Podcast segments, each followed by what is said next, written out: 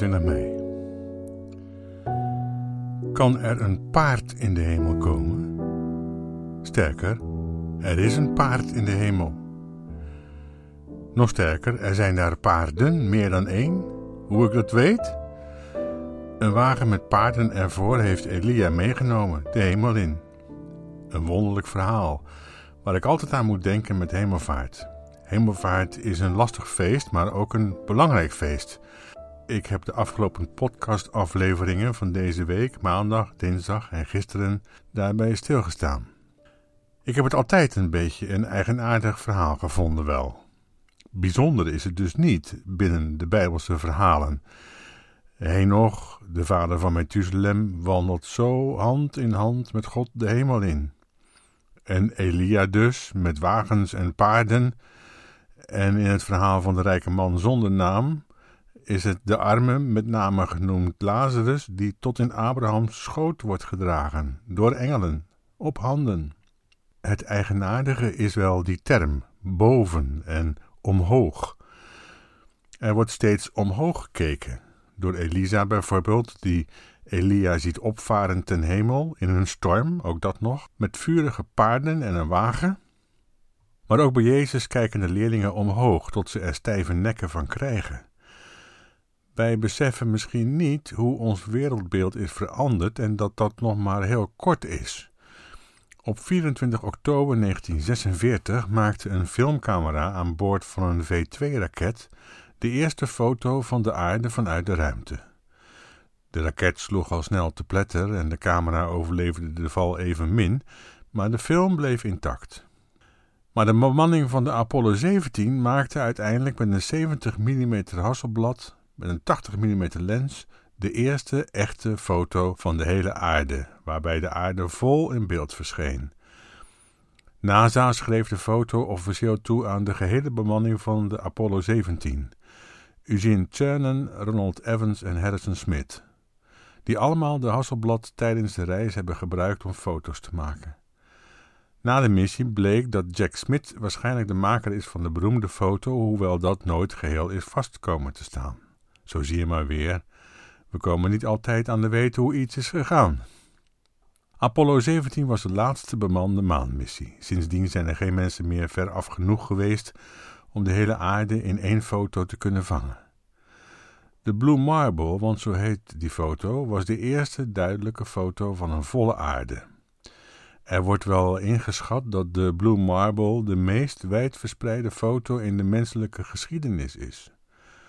De foto werd genomen met de Zuidpool boven, maar werd voor verspreiding geroteerd, want voor ons gevoel hoort de Noordpool boven en de Zuidpool beneden. Dat komt omdat we voor we goed en wel konden lezen en schrijven, een wereldkaart in de klas op school hebben zien hangen en een liefdevolle juf hebben horen uitleggen: Kijk, kinderen, zo ziet onze aarde eruit.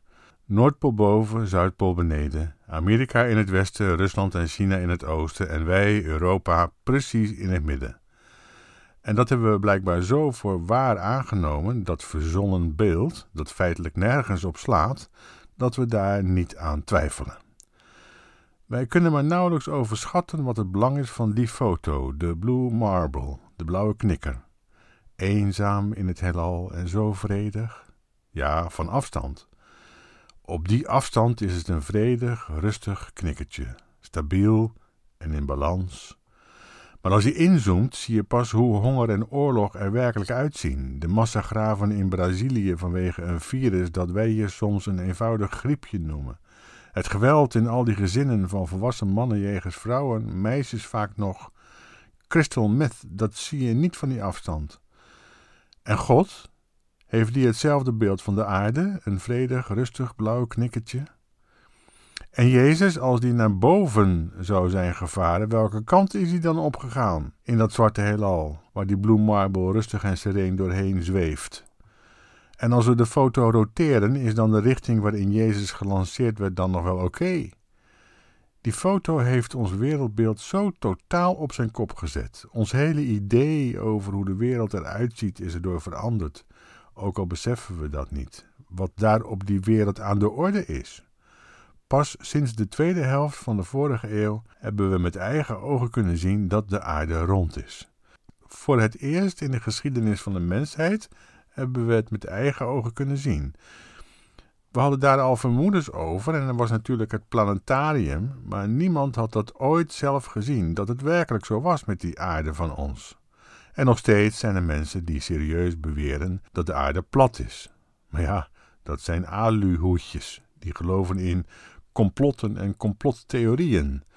Zo zou er nooit een man op de maan zijn geweest, allemaal in scène gezet. Graancirkels zouden komen van buitenaardse wezens. Het coronavirus zou komen van een markt in Wuhan. Allemaal verzonnen verhalen. Complottheorieën, toch? Met de Bijbel moeten we erg oppassen als we zouden zeggen die hemelvaart van Jezus, waarvan Calvijn trouwens al zei, we moeten niet denken dat Jezus als een soort ballonvaarder met zijn voeten van de grond omhoog zweefde, steeds verder en verder.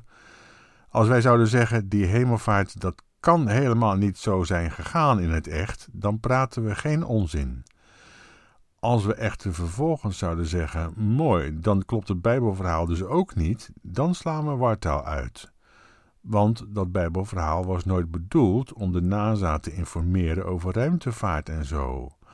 Of om ons in te lichten dat er een entiteit door het heelal zweeft die daar overigens nog altijd moet zweven dan ergens, want met een beetje massa ligt die maximale snelheid aanmerkelijk onder die van het licht.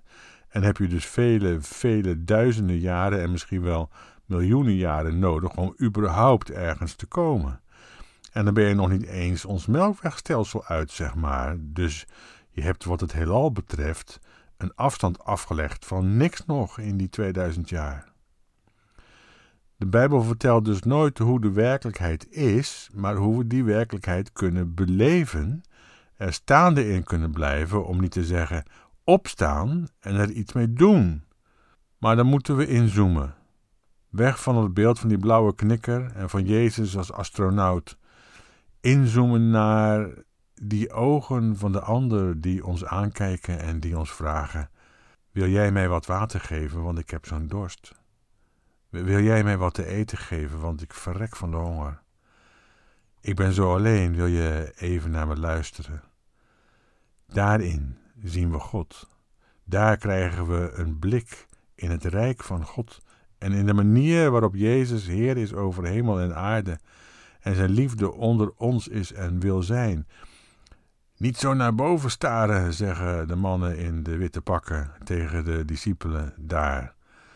Ga maar naar Galilea, waar de armen wonen en degenen die elk jaar van hun oogst worden beroofd door de Romeinse legers. Daar, tussen hen en met hen, daar zul je de Messias zien. In hun ogen, die jou vragen, blijf bij ons. En als je de Messias te zien krijgt, dan moet je hem de enig zinnige vraag stellen die je stellen kunt: Wanneer komt u?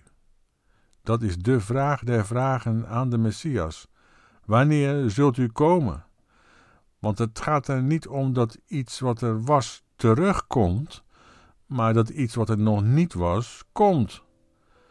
Dat wat we nu al zien in de ogen van de ander, dat zal dan zijn alles en in alle. De liefde, de shalom, wereldwijd. Groen, niet blauw. Gezegende hemelvaartsdag. Tot morgen.